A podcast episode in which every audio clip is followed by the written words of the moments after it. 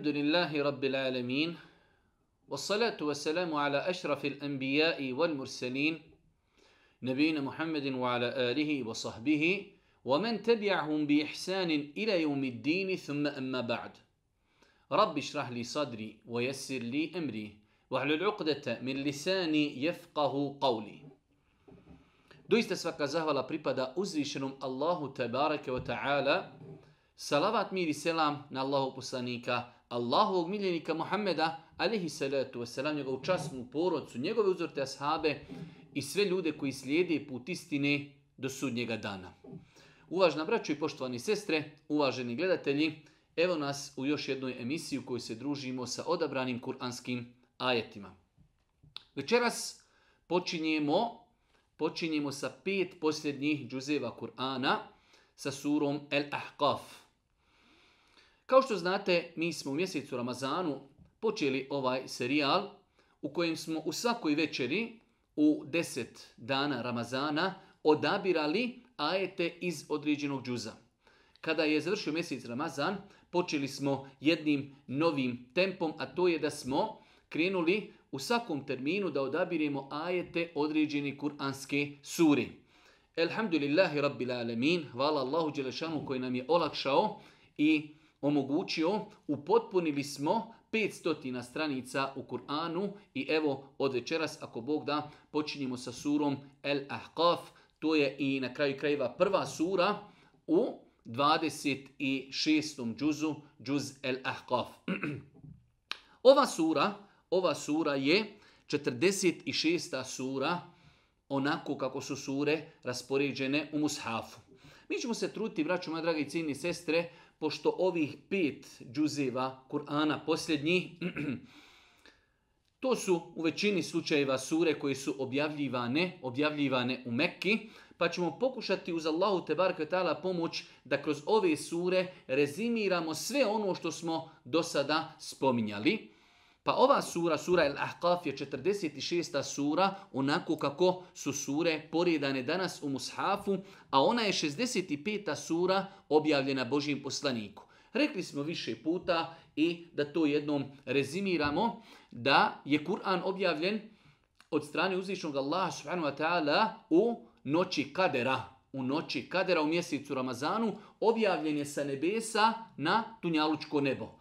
Nakon toga je tokom 23 godine objavljivan parcijalno shodno potrebi vremena i prostora, pa je znači 23 godine trajala objava Kur'ana. pa imamo znači broj suri u Mushafu, imamo broj suri kojim redoslijedom je, redoslijedom je objavljena Božijem poslaniku alihi salatu wasalam, jer sure nisu objavljivane onako kako su e, znači raspoređene i postavljene danas u mushafu, rekli smo, objavljivane su shodno događajima, shodno potrebi određene sure i određenog propisa. Ova sura je objavljena nakon sure El a nakon nje je objavljena sura El ovo je posljednja sura od sedam sura koje počinju sa e, dva arapska slova Hamim. Ovo je posljednja sura. Imali smo sedam sura koje dolaze jedna za drugom, koje počinju sa Hamim i ova sura je po konsenzusu islamskih učenjaka Mufesira Mekanska sura. Dosta puta, doista dosta puta smo spominjali, ali evo kao neki rezime, kao neko obnavljanje gradiva, Kazali smo da su islamski učenjaci, mufesiri Kur'ana, ljudi koji e, su se posvetili kuranskim znanostima, podijelili su objavu koja je objavljivana Božijem poslaniku alihi salatu selam tokom 23 godine u dva perioda. Imamo objavu koja je objavljivana u Meki, a to je sve što je objavljeno prije Hidžre, i imamo objavu koja je objavljivana u Medini, a to je sve što je objavljivano nakon Hidžri. To su dva različita perioda i logično je da, da objava bude različita. Allahu poslanik je bio u Mekki, muslimani su bili izloženi razno raznim torturama, bili su slabi, znači pa je period mekanski imao svoje osobenosti. Mnogo se govori o Allahu Đelešanu kao stvoritelju zemlje i nebesa, da je on taj koji zaslužuje i robovanje. Mnogo se govori o poslaniku Ali Selatu Veselam i njegovoj poslanici. Mnogo se govori o proživljenju, mnogo se govori o sudnjem danu, mnogo se govori o nagradi, odnosno kazni e, za one koji budu pokorni, odnosno nepokorni. Pa su to odlike, pa su to odlike mekanske objave, ja lično sam stava da današnjim muslimanima, današnjim muslimanima koji su se i tekako pogotovo kada je u pitanju muslimani Balkana koji su prošli kroz jedan komunistički sistem koji je ciljano, sistematski zatirao vjeru kod ljudi islam, danas je mnogo bitno da se muslimani druže sa surama koji su objavljene u Mekki, da jednostavno ojačamo temelje temelje vjerovanja, temelje vjerovanja u Allaha, u sudnji dan, u proživljenje, e, naš odnos prema poslaniku, prema objavi i svim onim stvarima o kojima govori i na koji se fokusira mekanska objava. Pa je znači velika razlika između objave i sura koji su objavljene u Mekki i sura koji su objavljene u Medini. Kada je Allah poslanik učinio hijđu u Medinu, to je nastupio jedan novi period, jedna nova faza gdje su, znači više je bilo potrebe da se govori o propisima, osnivanje države i ono što se vezuje znači za taj period. Sura Al-Ahqaf ima 35 ajeta. U mushafima je spomenuta kao sura El Ahqaf i čak nalazimo Eh, hajde da kažemo, dokaze da su ashabi tako nazivali ovu suru. Ibn Abbas radijallahu ta'ala kaže Aqra'ani Rasulullahi sallallahu alaihi wasallam surate Al-Ahqaf. Allahu poslanik me je podučio i proučio mi je suru Al-Ahqaf. Pa je ova sura, znači, još od vremena Božih poslanika, alihi salatu wasalam, poznata pod ovim imenom. Šta je Ahqaf? Ahqaf, Ahqaf je mjesto u kojem je živio narod Huda alihi salatu wasalam. Narod Huda koji se zove Ad. Imamo tri, tri stvari. Hud, to je poslanik. Ad je narod. Ahkaf je mjesto gdje je živio Hudov narod Ad. Imamo tri stvari koje trebamo zapamtiti. Sura El Ahkaf je dobila ime po mjestu gdje je živio e, narod Ad, a tom narodu Ad je poslan Hud alihi salatu wasalam.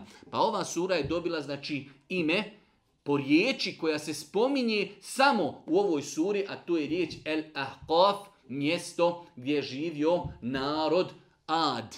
Gdje je živio narod Ad, a tom narodu uzvišnji Allah s.w.t. poslao je poslanika koji se zvao Hud.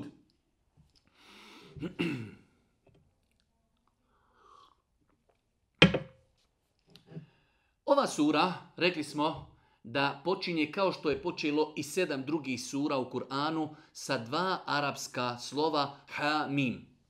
Doista dosta puta smo pojašnjavali da određene kuranske sure počinju samo sa nekoliko arapskih harfova. Elif, la, mim, elif, lam, rad, elif, lam, ra, sad, ta, ha, kaf, ha, ja, ain sad i tako dalje. Imamo znači sure koje počinju samo sa nabrajanjem nekih arapskih slova.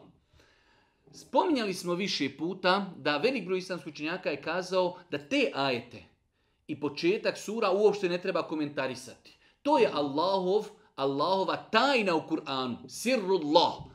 Dok je bio dio učenjaka koji je kazao, iščitavajući sure, koje počinju na takav način, uvijek nalazimo da nakon e, tih ajeta dolaze ajeti koji govori od nadnaravnosti Kur'ana i veličini Kur'ana. Pa su to povezali, pa su kazali, kao da uzvišeni Allah te bareke ve taala dodatno e, izaziva čovječanstvo da ih stavlja na jedan izazov o ljudi, o čovječanstvo, evo pogledajte ovaj Kur'an, on je sačinjen od harfova i, i slova koja vi koristite u svakodnevnom životu. Možete li vi pomoću tih harfova, koristeći, napisati, smisliti, izmisliti suru koja je ekvivalentna i koja odgovara neko od kuranskih sura. Pa kaže uzvišeni Allah na početku sure El Ahqaf, mim. Tenzilul kitabi min Allahil azizil hakim. Knjigu objavljuje Allah silni i mudri. Knjigu objavljuje Allah. U dosta ajeta se spominje da je uzvišeni Allah taj koji objavio Kur'an. Mi muslimani vjerujemo sastavni dio oni šest imanskih šarta jeste vjerovanje u knjige. Vjerovanje u nebeske knjige koje je Allah Đelšanu objavljivao svojim poslanicima, a posljednja knjiga koju je uzvišeni Allah objavio čovječanstvu jeste Kur'an. Objavljena od Allaha podsredstvom Džibrila alihi salatu wasalam, Muhammedu alihi salatu wasalam i to mi muslimani čvrsto vjerujemo. La rojbe fihi, to je knjiga u koju nema nikakve sumnje, kaže uzvišeni Allah Tenzil kitabimin tenzilu kitabi Allahil azizi el hakim. Knjigu objavljuje Allah, silni i mudri. Pa ne postoji prostor za kalkulisanje, niti raspravu e, kakvo je porijeklo Kur'ana. Kur'an je Allahov govor kojeg je uzvišeni Allah objavio potresom Džibrila Muhammedu alaihi salatu wasalam. Kur'an je derogirao prethodni prethodne objave i prethodne knjige. Jedne prilike Allahu poslanik ali se letu selam vidio je Omera kako u rukama drži list, sahifu, na kojem su bili ispisani određeni ajeti, citati iz Tevrata. Pa se Allahu poslanik naljutio, uzeo je taj papir od Omera i kazao mu je da je Musa i selam živ, kojim je taj Tevrat objavljen. Sada ne bi imao drugu mogućnost osim da se meni pokori i da vjeruje u ono čemu ja pozivam. Pa je Kur'an derogirao prijetvodne poslanice. Da, o tome ćemo govoriti više. Svi poslanici su slati od uzvišnog Allaha. Svi su slati sa jednim ciljem, a to je da ljude pozovu da robuju uzvišenom Allahu subhanahu wa ta'ala Znači, svi poslanici su slati od uzvišenog Allaha subhanahu wa ta'ala, ali je posljednji poslanik, pečat svih poslanika, Muhammed alihi salatu wasalam, on je poslan cijelom čovječanstvu. Prijašnji poslanici, kada bi ih uzvišeni Allah slao, slao bi ih određenom narodu, određenom podneblju, određenim, možemo kazati, gradovima ili selima, za razliku od Mohameda alihi salatu koji je poslan cijelom čovječanstvu, od istoka do zapada. Nakon njima nema drugog poslanika, sve do sudnjeg dana. Pa je logično da je posljednja objava, Kur'an, derogirala sve prijethodne, sve prijethodne objave.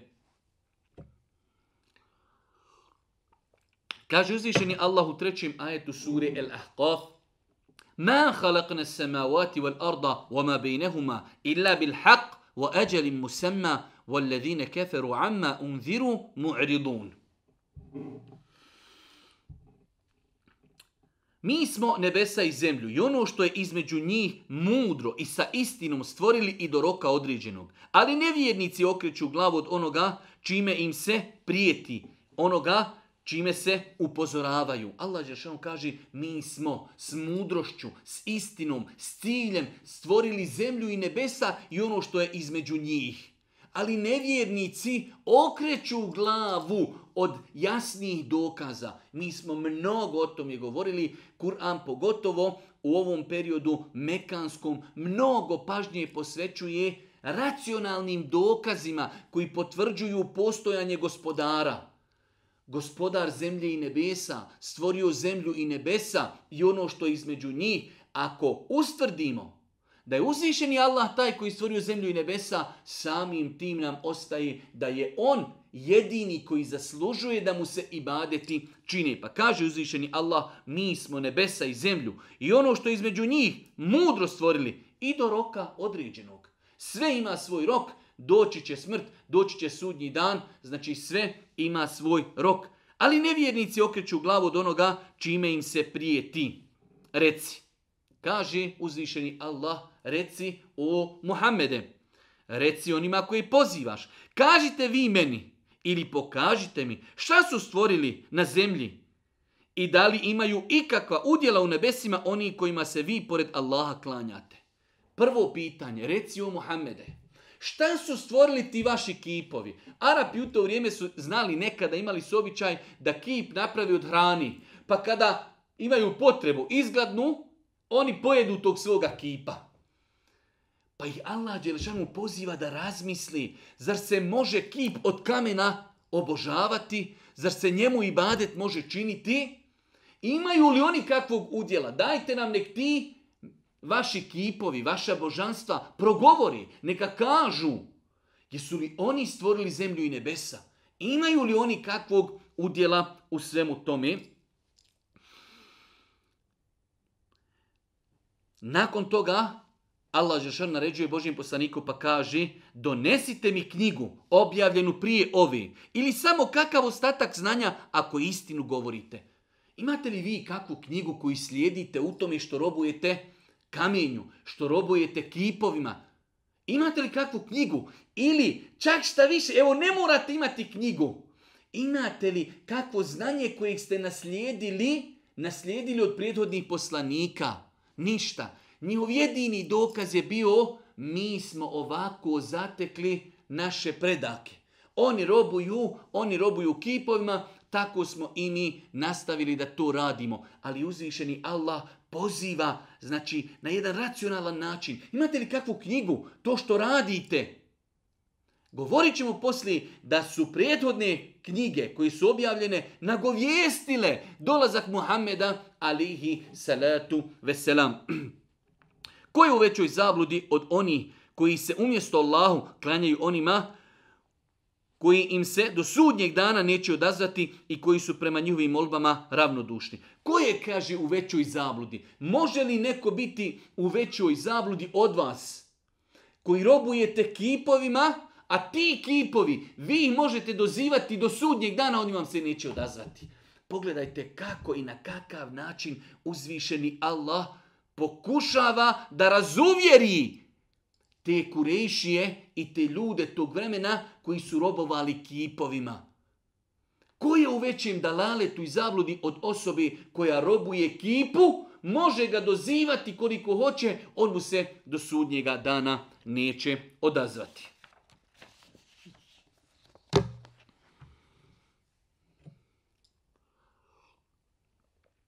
Nakon toga, u devetom i desetom ajetu sure El-Ahqaf uzišli Allah kaže Kul ma kuntu bid'a ar rusul وما أدري ما يفعل wala bikum in إن أتبع إلا ما يوحى إلي وما أنا إلا نذير mubin Reci opit. Allah Žešanu na dosta, u dosta ajeta obraća se Muhammedu alaihi salatu wasanka, reci o Muhammede, prenesi ovo što ti se objavljuje, reci, ja nisam prvi poslanik i ne znam šta će biti sa mnom ili sama. Ja slijedim samo ono što mi se objavljuje i samo sam dužan da otvoreno opominjem. Reci o Muhammede, njima je to bilo čudno, otkuda čovjek, poslanik u Mekke. Kaže, reci, nisam ja prvi, prije mene je bilo stotine, stotine poslanika, ja sam samo jedan u dugom nizu, u jednoj plejadi poslanika. Čuli ste vi od svojih predaka historijski da su bili poslanici koji su ljude pozivali. Pa kaže uzvišeni Allah, Kul, ma kuntu bid'a rusul. Reci, ja nisam prvi poslanik i ne znam šta će biti sa mnom ili s vama. Allahu ekber. Iako je poslanik, on kaže, Allah mu naređuje, reci, ja ne znam šta će biti sa mnom, niti s vama.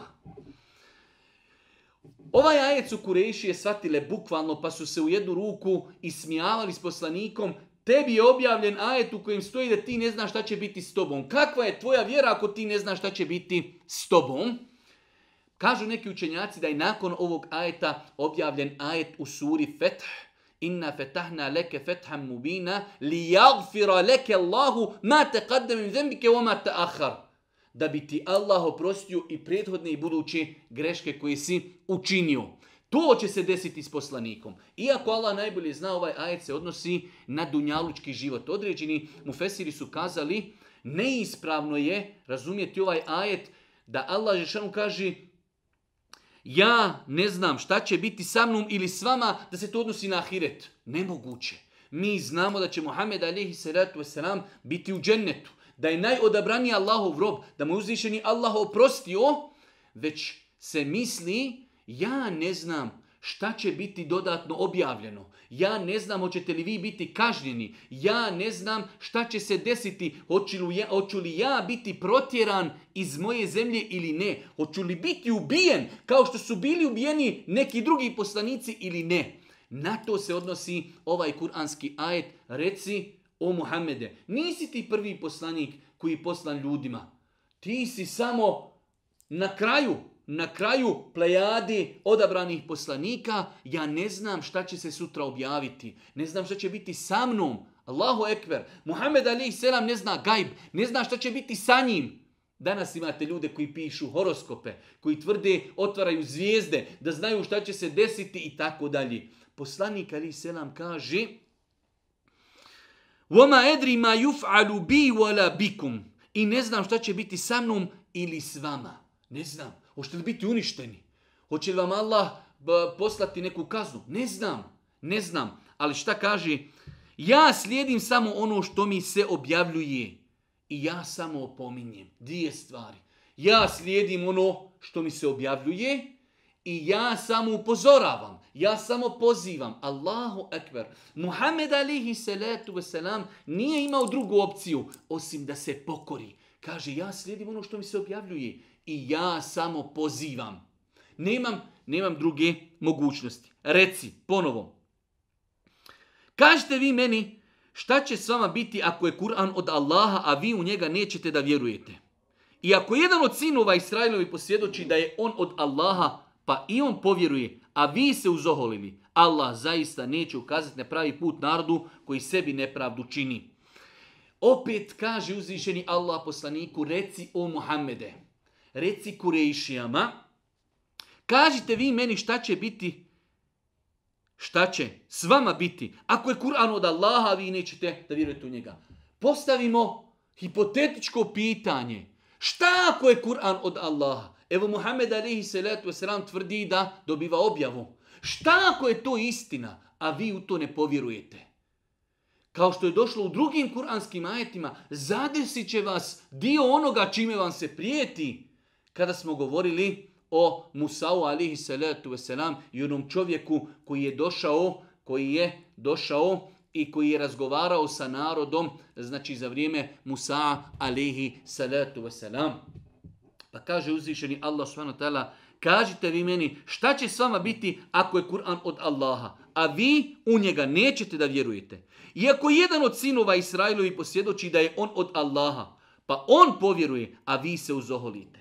Prethodne knjige, rekli smo malo prije, su svjedočile, nagovjestile, dolazak Muhammeda alihi salatu wasalam kao posljednjeg poslanika i oni su u to vjerovali i znali su pa im uzvišeni Allah subhanahu wa ta'ala to ovdje ispominje i kaže i ako jedan od sinova Israilovi posvjedoči da je on od Allaha. Ko? Da je on, Kur'an od Allaha, pa je on, taj e, insan, on povjeruju to, a vi se uzoholili.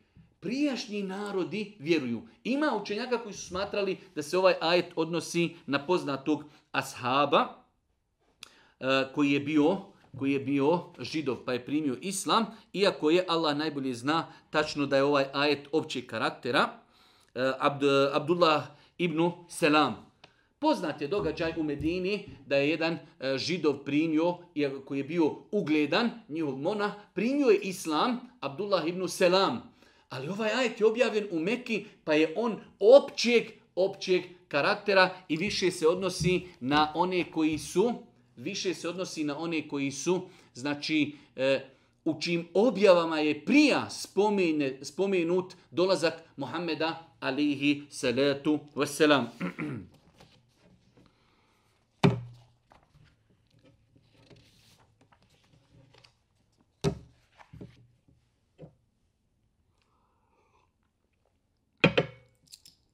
U 11. i 12. ajetu sure El-Ahqaf uzvišeni Allah Kaže, وقال الذين كفروا للذين آمنوا لو كان خيرا ما سبقونا إليه وَإِذْ لم يهتدوا به فسيقولون هذا إفق قديم I govore nevjernici o vjernicima. Nevjernici, Kurešije su se obraćali vjernicima. Govoreći im, smatrajući, jer inače kurejšije su uvijek uvaž, e, bili znači uvažavani, imali su posebno mjesto kod Arapa zbog Kjabi. Jer rekli smo da Kjaba egzistira, znači među Arapima još od vremena Ibrahima, alihi salatu wasalam, pa su e, znači svi Arapi, kompletan taj arapski poluotok, svi su posebno uvažavali Kurešije. Pa su oni uvijek o sebi imali neko posebno mišljenje možemo slobodno kazati u datom momentu da su bili malo oholi i da su bili umišljeni. Allahom poslaniku na početku povjerovali su u njega neki robovi, povjerovali su neki ljudi koji nisu bili porijeklom Arapi. Pa onda dolazi, dolazi do izražaja ta njihova bolest. Pa kaže i govore nevjernici o vjernicima da je kakvo dobro nas oni u tome ne bi pretekli da je to dobro, taj Kur'an kojeg vi tvrdite i ta objava, ne bi Bilal Habešijski i Selman El Farisi i Habab e, e, Rimljanin, znači ljudi koji nisu porijeklom Arapi, ne bi oni pretekli nas u tome. Allah Đelešanu je nama dao da smo poseban narod. Pa je to u datom momentu i koštalo što su se oholili, što nisu htjeli da povjeruju, pa kažu da je to kakav hajr, ne bi to nas mimo išlo. Mi smo na posebnom stepenu kod uzvišenog Allaha i govore nevjernici o vjernicima. Da je to, da je kako dobro, nas oni u tome ne bi pretekli. A kako pomoću njega pravi put nisu našli, sigurno će reći ovo je još davna izmišljotina. Pošto nisu povjerovali u Kur'an, ostaje im jedina opcija da kažu ovo je izmišljotina. O poslaniku su govorili da je sihribaz, da je pjesnik, da laži, e, da izmišlja i tako dalje. Pogledajte, kada nisu povjerovali, onda su kazali to je izmišljotina naroda drevni. Knjiga Musaova je bila putovođa i milost prije njega. A ovo je knjiga na arapskom jeziku koja nju potvrđuje da bi opomenula one koji radi zlo i da bi obradovala one koji čine dobra. Allah Đešanu govori o Kur'anu pa kaže ovo je knjiga na arapskom jeziku koja nju potvrđuje. Potvrđuje Kur'an prethodne knjige.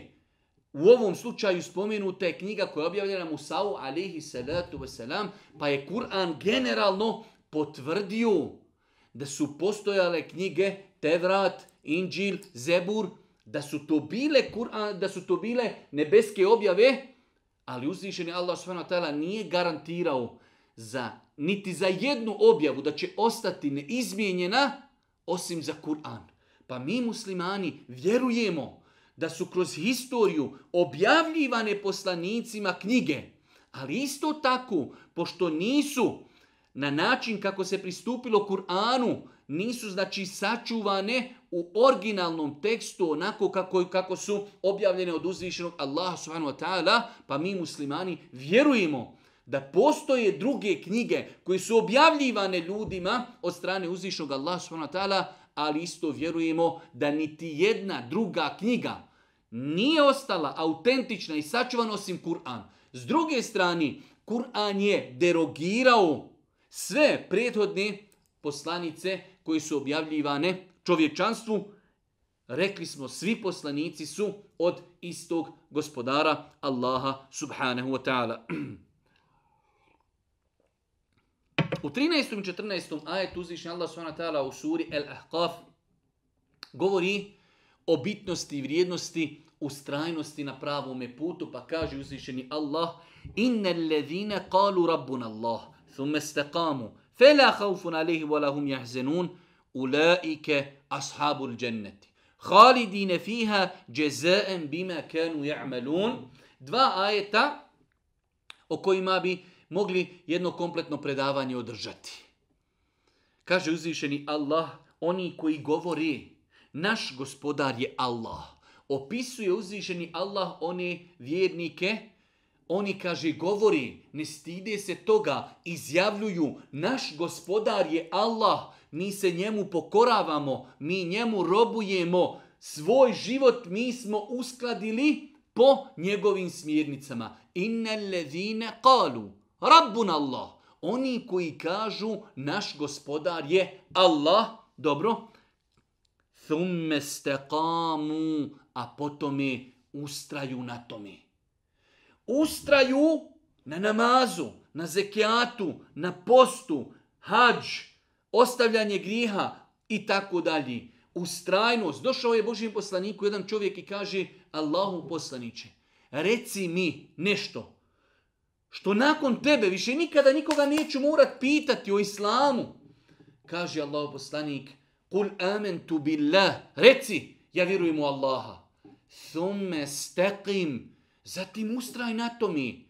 Ne samo ja vjerujem u Allaha i lezi. Ne, ustraj na tom putu. Ja vjerujem u Allaha, vjerujem u njegovu objavu, vjerujem u Kur'an, vjerujem u ono što je naređeno, vjerujem u ono što je zabranjeno. Živim po tome.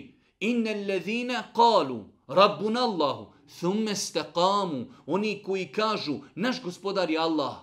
A potom ustraju na tom putu. Aha, šta kaže uzvišeni Allah? Fela haufun alehim wala hum jahzenun. Neka se ničega ne boje i ni za čim neka ne tuguju. Strah je u budućnosti, tuga je u prošlosti. Oni koji kažu mi vjerujemo. Naš gospodar je Allah, zatim ustraju. Jedna od nagrada, oni neće strahovati. Nema straha za budućnost, niti će žalostiti se za prošlost. Pa nakon toga dolazi nagrada ulaike ashabul dženne, oni će biti uvedeni u džennet. Nagrada za ustrajnost na Allahovom putu jeste oni će stanovnici dženneta biti, u njemu će vječno boraviti i to će im biti nagrada za ono što su radili. Nagrada džennet ostaće vječno zbog onoga što su radili. Allahu ekber. O tome smo mnogo, mnogo puta govorili. Ako išta naučimo iz ovih predavanja, moramo naučiti džezaem bima kenu ja'melun, kao nagrada za ono što su radili. Ulaike ashabul dženne, oni koji su rekli da je njihov gospodar Allah i ustrajali su, oni će biti džennetlije. Halidine fiha, u džennetu će vječno ostati džezaen bima kenu ja'melun, kao nagrada za ono što su na Dunjaluku radili. Pa nemojte da se poigravamo. Nemojte da nam neko prodaje maglu i demagogiju može se džennet bez pokornosti. Ne možemo zaslužiti Allahovu milost i Allahov rahmet nepokornošću. Već Allahovu milost putem kojim ćemo ući u džennet možemo zaslužiti pokornošću. Pa pazite se, pazite se. Treba svi da se pazimo. Oni Poznate naše bošnjačke poštapalce kada čovjek kaže čisto mi je srce.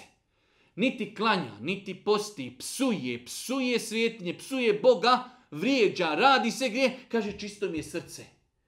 Laž, apsolutna laž. Allah poslani kaže u vjerodostojnom hadisu u ljudskom tijelu ima jedan organ.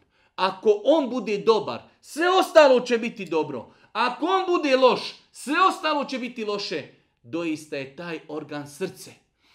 Čisto srce koje vjeruje u Allaha, nema zavisti, na njega se oslanja, to je srce pokorno. Nečisto srce, zaprljano grijesima, ono ne može od grijeha da čini pokornost. Pa insan treba da zna da je velika nagrada, pogotovo u današnje vrijeme, vrijeme smutnje izazova, ostati ustrajan na putu istine, nadajući se ovoj nagradi u ashabul dženne. To su stanovnici dženneta. Halidine fiha, vječno će tamo ostati zbog onoga što su zaradili i zaslužili na Dunjaluku.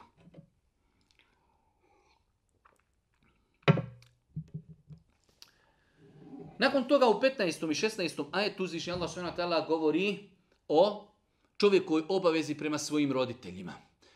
Govorili smo u suri El Isra i u drugim ajetima da ova naša savršena, potpuna, lijepa vjera mnogo pažnje posvećuje roditeljima.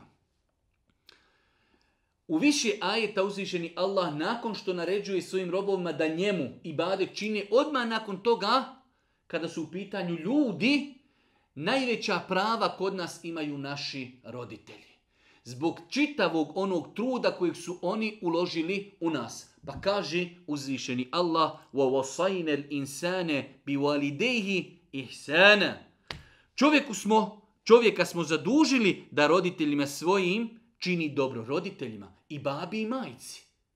Čak, Allahu Ekber, ova naša vjera je toliko potpuna i savršena. To što je drugi ljudi ne razumiju, to je njihov problem. Ova vjera je toliko savršena. Čovjek, ako je musliman, njegovi roditelji nemuslimani, njemu je i dalje obaveza da svojim roditeljima čini dobročinstvo. Svakako. huma Ako te budu pozivali da čini širk, nemoj im se pokoriti.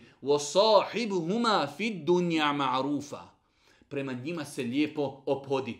Makar te pozivali da činiš širk, nemoj im se pokoriti ali činim dobročinstvo. Pa je obaveza činiti dobročinstvo roditeljima u svakom, svakom slučaju. Čak ovdje je riječ ihsana. Nije definisana. Svaki vid dobročinstva čini roditeljima. Čovjeka smo zadužili da roditeljima svojim čini dobro. Pa počinje primjer. Majka njegova s mukom ga nosi i mukama ga rađa nosi ga i doji 30 mjeseci. Navodi ovdje uzvišeni Allah jedan primjer zbog čega trebamo činiti dobročinstvo roditeljima. Majka ga nosi. Prva stvar. Nakon toga rađa. Nakon toga doji 30 mjeseci muke i belaja dok dijete prohoda. I opet, i nakon toga opet treba odgoja, treba snage, treba novca, treba brige i tako dalje. Kaže uzvišeni Allah, ona ga nosi. Njeno zdravlje trpi. Porađa se. Koliki su bolovi porođajni. Nakon toga dvije godine dojenja djeteta. Iscrpi dijete sve iz majke. Zbog toga naši roditelji zaslužuju i moramo im činiti dobročinstvo. Čak Islam je toliko savršen i toliko potpun da činimo dobročinstvo našim roditeljima i nakon njove smrti. Zar može? Može. Da damo sadaku na njihovo ime, da dovimo za njih, da obavimo za njih hađ ili umru ako nisu obavili za svoga života. Znači, e, da molimo Allah SWT da im oprosti, da za njih dovimo, da za njih dajemo sadaku, pa, pa, pa čak po nekim učenjacima i da čovjek prouči nešto od Kur'ana, lično i da kaže ja rab nagradu ovog učenja Kur'ana poklanjam svojim roditeljima i to je ispravno. Ali ono što je sigurno ispravno, što je potvrđeno hadisima, jeste da čovjek da sadaku na ime svojih roditelja. Da čovjek da sadaku, ne neko učešće u trajnoj sadaki na ime svojih roditelja. Da dovi za njih, jer je došlo u vjerodostojnom hadisu da e, jedno od dijela koje i nakon koji smrti traje jeste i dijete haili dobro odgojeno koje dovi za svoje roditelje. Čak je došlo u nekim hadisima da se kaže da se čovjeku na sudnjem danu povećaju stepeni. Pa on kaže, ja rab, šta je ovo? Moja dobra djela su završena. Kaže, to je zbog istikvara tvog djeteta tebi. Pa je nama obaveza i moralna i vjerska da činimo dobročinstvo svojim roditeljima. Kaže uzvišeni Allah, majka njegova s mukom ga nosi. I u mukama ga rađa, nosi ga i doji 30 mjeseci. A kada dospije u muževno doba i kada dostigne 40 godina, insan kada postane 40 godina. Zašto je poslanica došla Božijem poslaniku u 40. godini? Kada je dostigao zrelost. Kaže, kada čovjek dostigne 40 godina, on rekne, gospodaru moj, dozvoli mi da ti budem zahvalan na blagodati koju si darovao meni i roditeljima mojim i pomozi mi da činim dobra djela kojima ćeš zadovoljan biti ti i učini dobrim potomke moje. Učini da budem zadovoljan zbog nijameta i blagodati. Čovjek u 40. godini već zdravo razmišlja. Zahvaljuje gospodaru na blagodatima koje je podario gospodar njemu i njegovim roditeljima. Gospodaru, olakšaj mi činjenje dobrih dijela s kojima ćeš ti biti zadovoljan. Mnogo bitno, čini dobra dijela s kojima je moj gospodar zadovoljan. Učini dobrim potomke moje. Allahu ekber. Insan u 40. godini već je zreo. Razmišlja i o svojoj djeci, o potomstvu, o izazovima, Danas je mnogo bitno da roditelji dove za svoju djecu, da ih Allah učrsti, da ih pomogni, da ih uputi, da ih zaštiti, da ih sačuva od izazova, smutnje, grijeha, balareta, kufra, nevjerstva i tako dalje. Zaista, ja se zaista kajim i odan sam tebi, o gospodaru. Eto od takvih ćemo mi dobra djela koja su radili primiti od osoba koje su takvi, Allah obećava da će njihova dobra djela primiti, a preko ružnih postupaka njihovi prijeći. Od stanovnika dženneta će oni biti istinito obećanje kojim je dano ćemo ispuniti. Allah obećanje je apsolutna istina. Pa Allah ono obećava tim ljudima koji budu potpadali pod ova svojstva da će to biti stanovnici dženneta kojeg im je obećao uzvišeni Allah.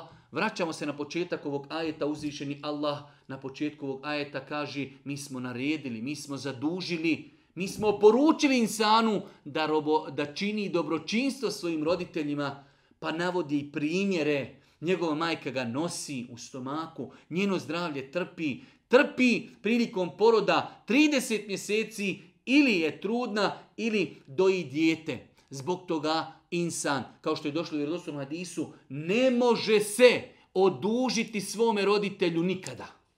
Osim u jednom slučaju.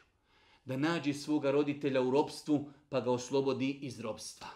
Pošto danas nema robstva, mi se svojim roditeljima ne možemo odužiti za njihovo dobročinstvo koji su nam činili.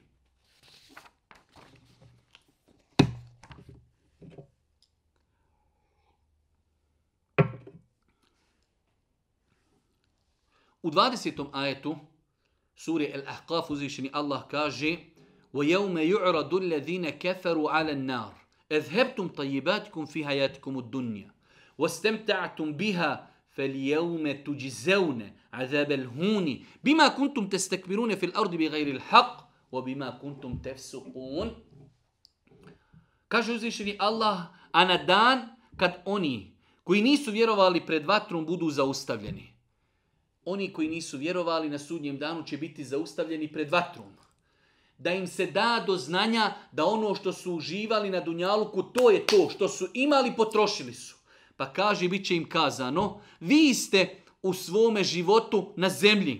Sve svoje naslade iskoristili i u njima uživali. A danas sramnom patnjom bit ćete kažnjeni zato što ste na zemlji. Bez ikakva osnova oholo se ponašali i što ste raskalašeni, odnosno griješni bili. Ono što ste imali na dunja, vi niste vjerovali u ahiret, ono što ste imali uživanja, to je to. Danas, zbog vašeg grijeha, zbog vašeg oholosti. U Kur'anu se mnogo spominje oholost. Danas imamo mnogo osoba do kojih je došao islam, do kojih je došla istina, Kur'an, sunnet, ne želi da se pokori iz oholosti. Pa mnogo puta, mnogo puta se u Kur'anu spominje da je razlog kažnjavanja ljudi oholost. Kao što je Allah poslanik spomenuo da je eh, oholost betarul haq, odbijanje istine. Najveća oholost je odbiti istinu.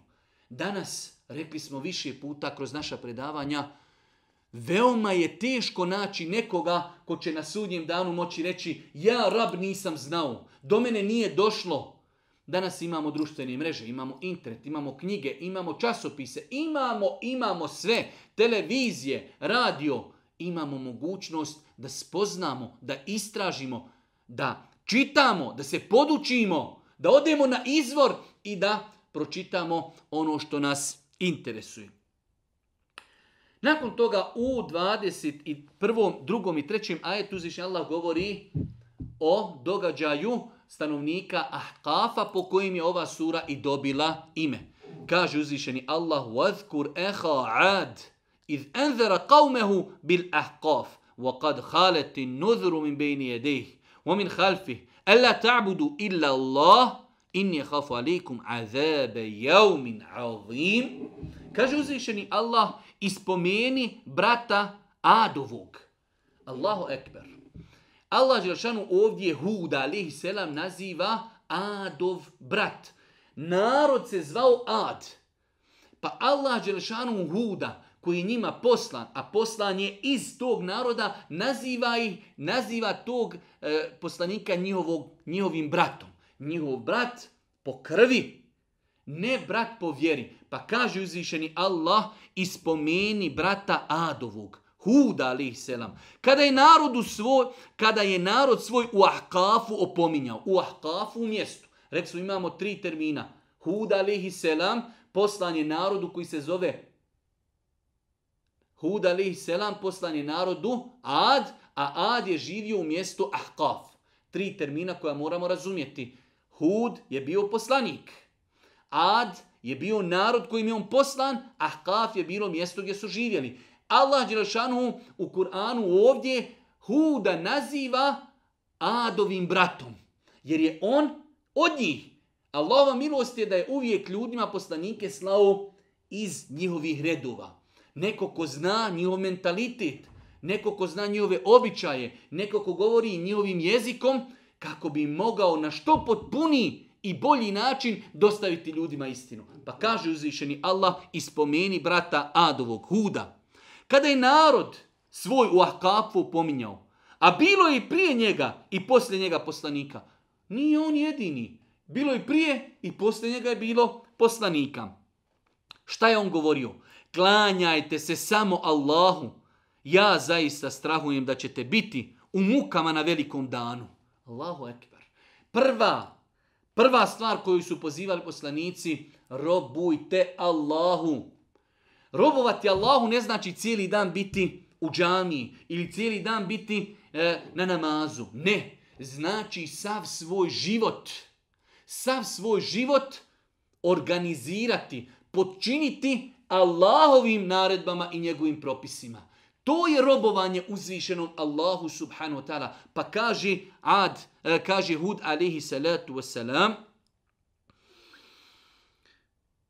Ella ta'budu illa Allah. Inni yakhafu alaykum azabe yawmin azim. Klanjajte se i robujte samo Allahu. Ja zaista strahujem da ćete biti u mukama velikim u tom velikom danu, na sudnjem danu. Ako se ne pokorite, ako se ne odazovete onome čemu vas pozivam, a mene je odabrao Allah da vas pozovem samo njemu, ja se bojim, strah me je za vas. Vi ste moj narod, ja vas volim, ali me je strah da ćete biti zbog toga kažnjeni. Oni su odgovorili, zar si nam došao da nas od božanstava naših odvratiš? To je taj klasični odgovor. Jesi li došao da nas odvratiš od naših božanstava? Neka se eto ostvari prijetnja tvoja ako istinu govoriš. I to je bilo opasno. Eto, ako je istina, ti nam prijetiš nekom prijetnjom i kaznom, nek se obistini. Oholost.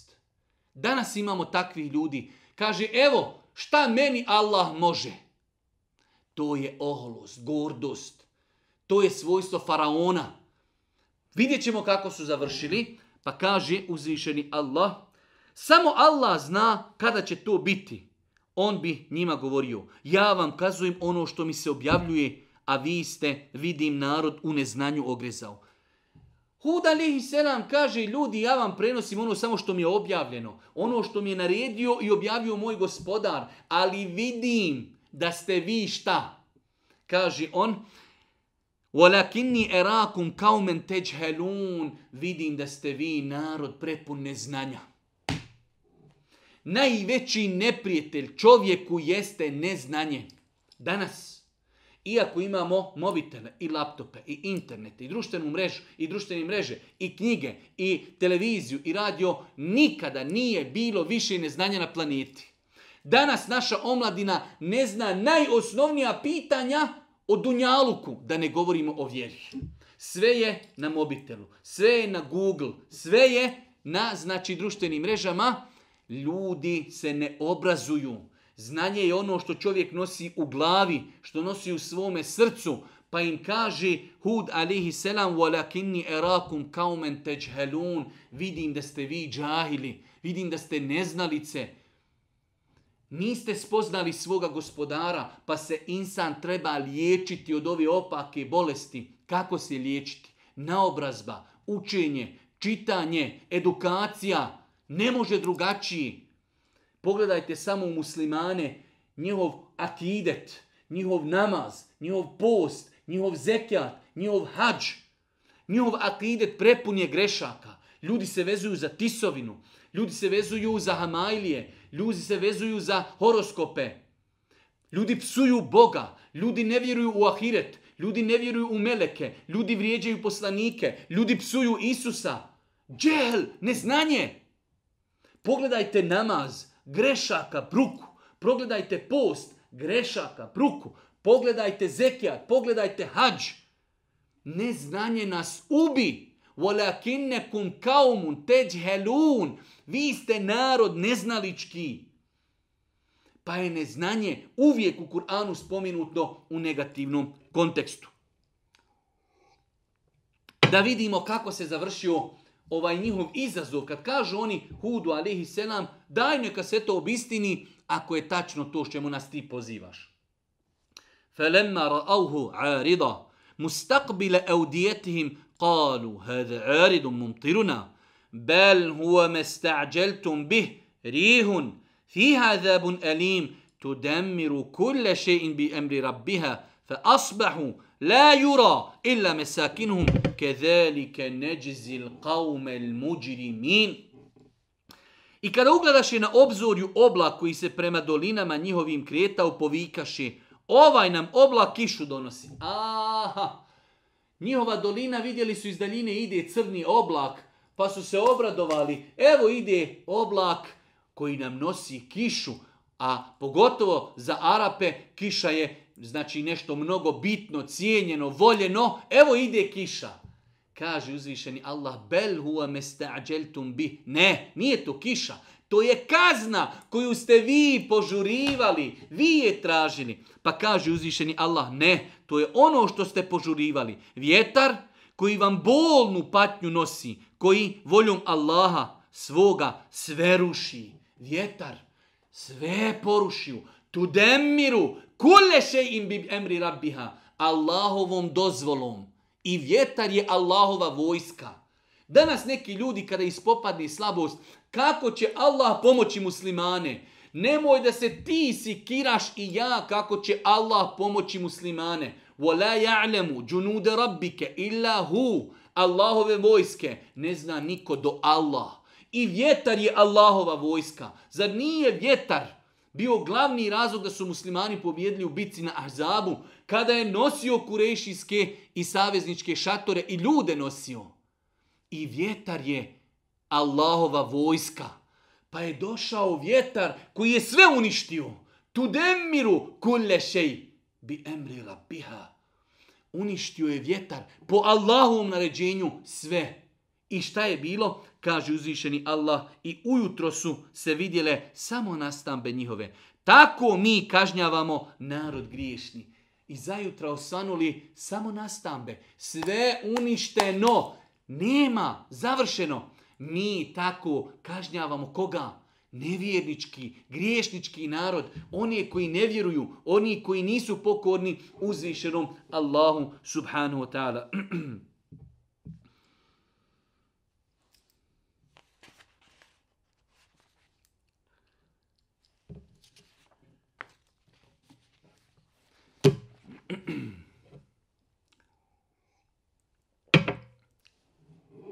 Nakon toga u 29. i 30. ajetu sure Al-Ahqaf uzviše Allah počinje govoriti o jednoj interesantnoj temi, nešto e, što velik broj ljudi ne poznaje, a to je mi muslimani vjerujemo da paralelno postoje dva svijeta. Postoji ljudski svijet i džinski svijet. Allah vam kaže وَمَا خَلَقْتُ الْجِنَّ وَالْإِنْسَ إِلَّا لِيَعْبُدُونَ Ljude i koga? I džine.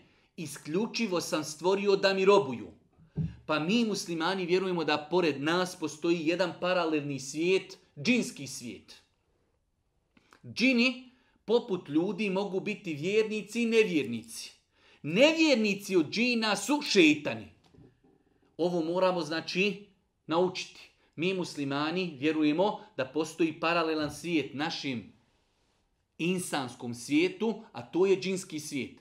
Oni nas vidi, mi njih ne vidimo. Tako je uzvišeni Allah subhanahu iz njemu poznate mudrosti stvorio da džini i šetani nas vidi, a mi njih ne vidimo.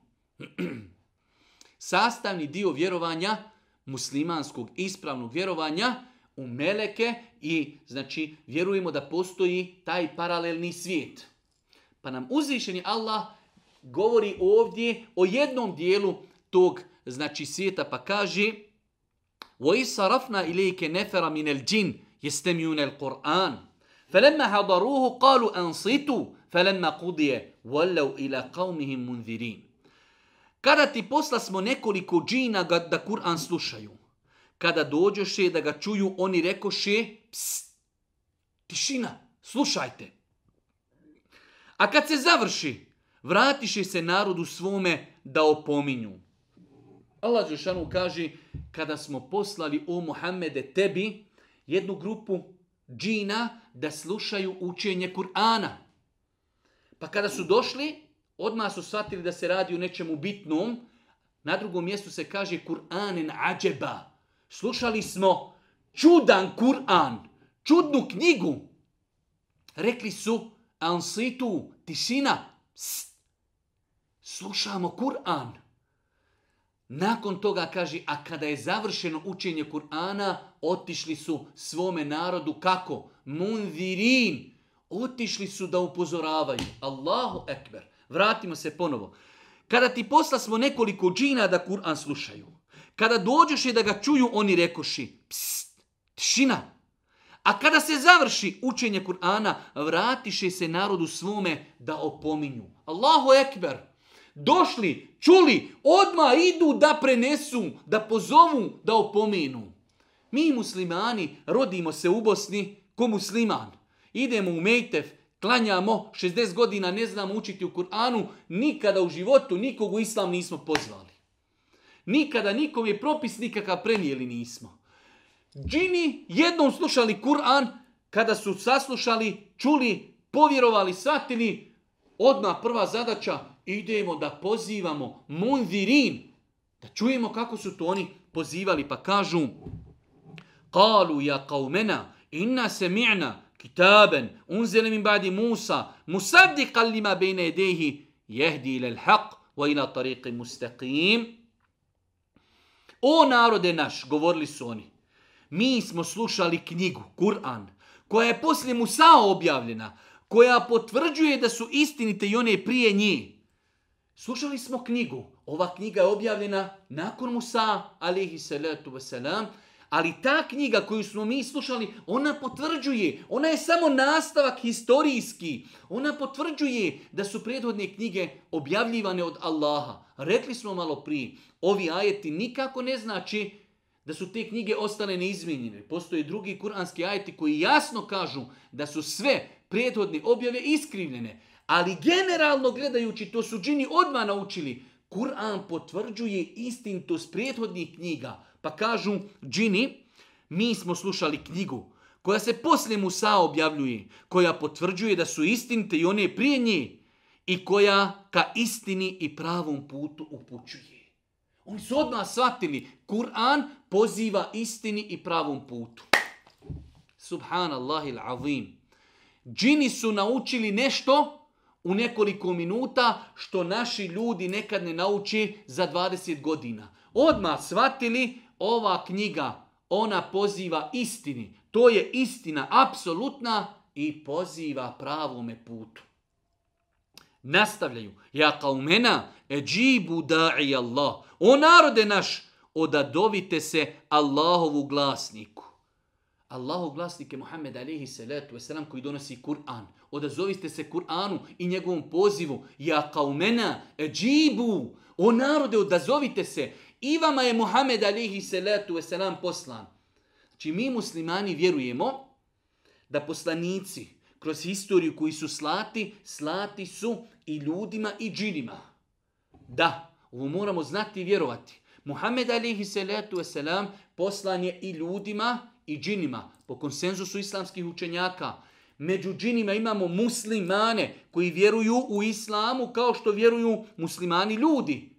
I imamo nevjernike. Nevjernici džini su šeitani. Pa kažu, ja mena eđibu da'i Allah, wa aminu bihi. Odazovite se Allahovom glasniku, odazovite se Muhammedu, odazovite se Kur'anu, wa aminu bihi i povjerujte u Allaha kakva će biti, kakav će biti rezultat. O narode naš, odazovi se, odazovite se Allahovom glasniku i vjerujte u Allaha. On će vam grijehe vaše oprostiti i vas od patnje neizdržive zaštititi. Budete vjerovali, budete pokorni, on će vam grijehe oprostiti koje ponekada činite i on će vas patnje zaštititi. Islamski učenjaci imaju jednoglasan stav da nevjernici džini će biti pačeni u džehennemu. Dok većina, velika većina e, učenjaka smatrala je da džini koji budu vjerovali u Muhammed ali se ratu se uživat će sa ljudima u džennetu. A bio je stav učenjaka, jedan mali dio učenjaka koji su kazali nagrada za džine koji budu vjerovali jeste da neće biti kažnjeni. Allah on najbolje zna, tačno je da džini, znači kao i ljudi, Mogu biti vjernici, mogu biti nevjernici. Vjernici će biti nagrađen džennetom, nevjernici kažnjavan džehennemom. Tako i sa džinima koji budu vjerovali uživat će u džennetu. Oni koji ne budu vjerovali, oni će biti kažnjavani džehennemom. pa kaže, o narode naš, odazovite sa Allahom glasniku i vjerujte u Allaha. On će vam neke vaše grijehe oprostiti i vas od patnje neizdržive zaštiti. A oni koji se ne odazovu Allahovu glasniku, takvi mu na zemlji neće umaći. I mimo njega zaštitnika neće naći, oni su u velikoj zabludi. Kako jasno oni koji ne budu vjerovali, nemaju nikakvog zaštitnika, niko i na sudnjem danu ne može zaštiti i to njihovo nevjerovanje je jasni dolalet i jasna zabluda.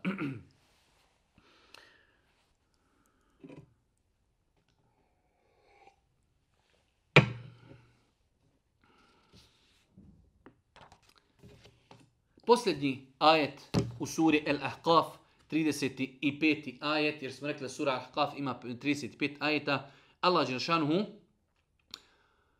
nakon što je govorio o Božijem poslaniku, alihi salatu wasalam, o mnogim pitanjima, jača Božijeg poslanika, e, morališe ga pa mu kaže, fasbir kema sabara ulul azmi minar rusul, wala testa'đil lahum.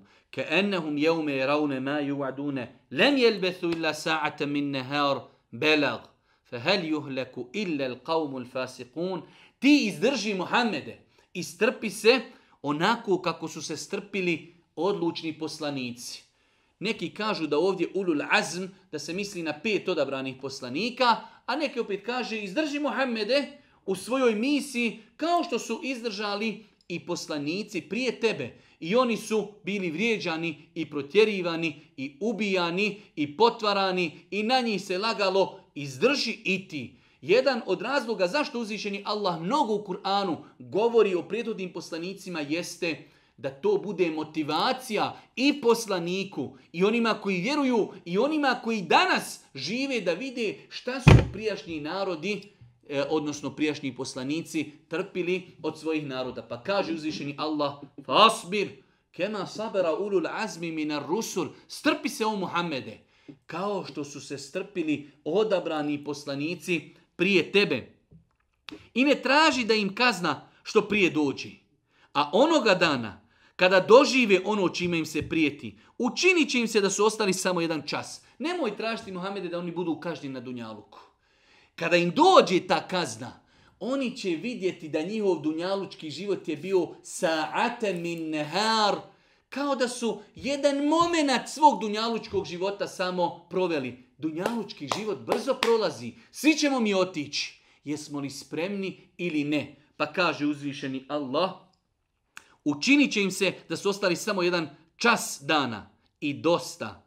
Zar će se, a zar će se ko drugi a zar će ko drugi biti uništen do narod raskalašeni, odnosno kaumun fasikun, Allah neće kazniti nikoga drugog osim oni koji su bili raskalašeni, koji nisu vjerovali, oni koji su bili nepokorni uzvišenom Allahu subhanahu wa ta'ala. Molim uzvišenom Allah subhanahu wa ta'ala da ono što smo čuli bude korisno za nas. Molim ga subhanahu wa ta'ala da nam bude milostiv na sudnjem danu. I na kraju, subhaneke, Allahumma bihamdike, ešhedu en la ilaha illa en stakfiruke, wa etubu ilaik Oh.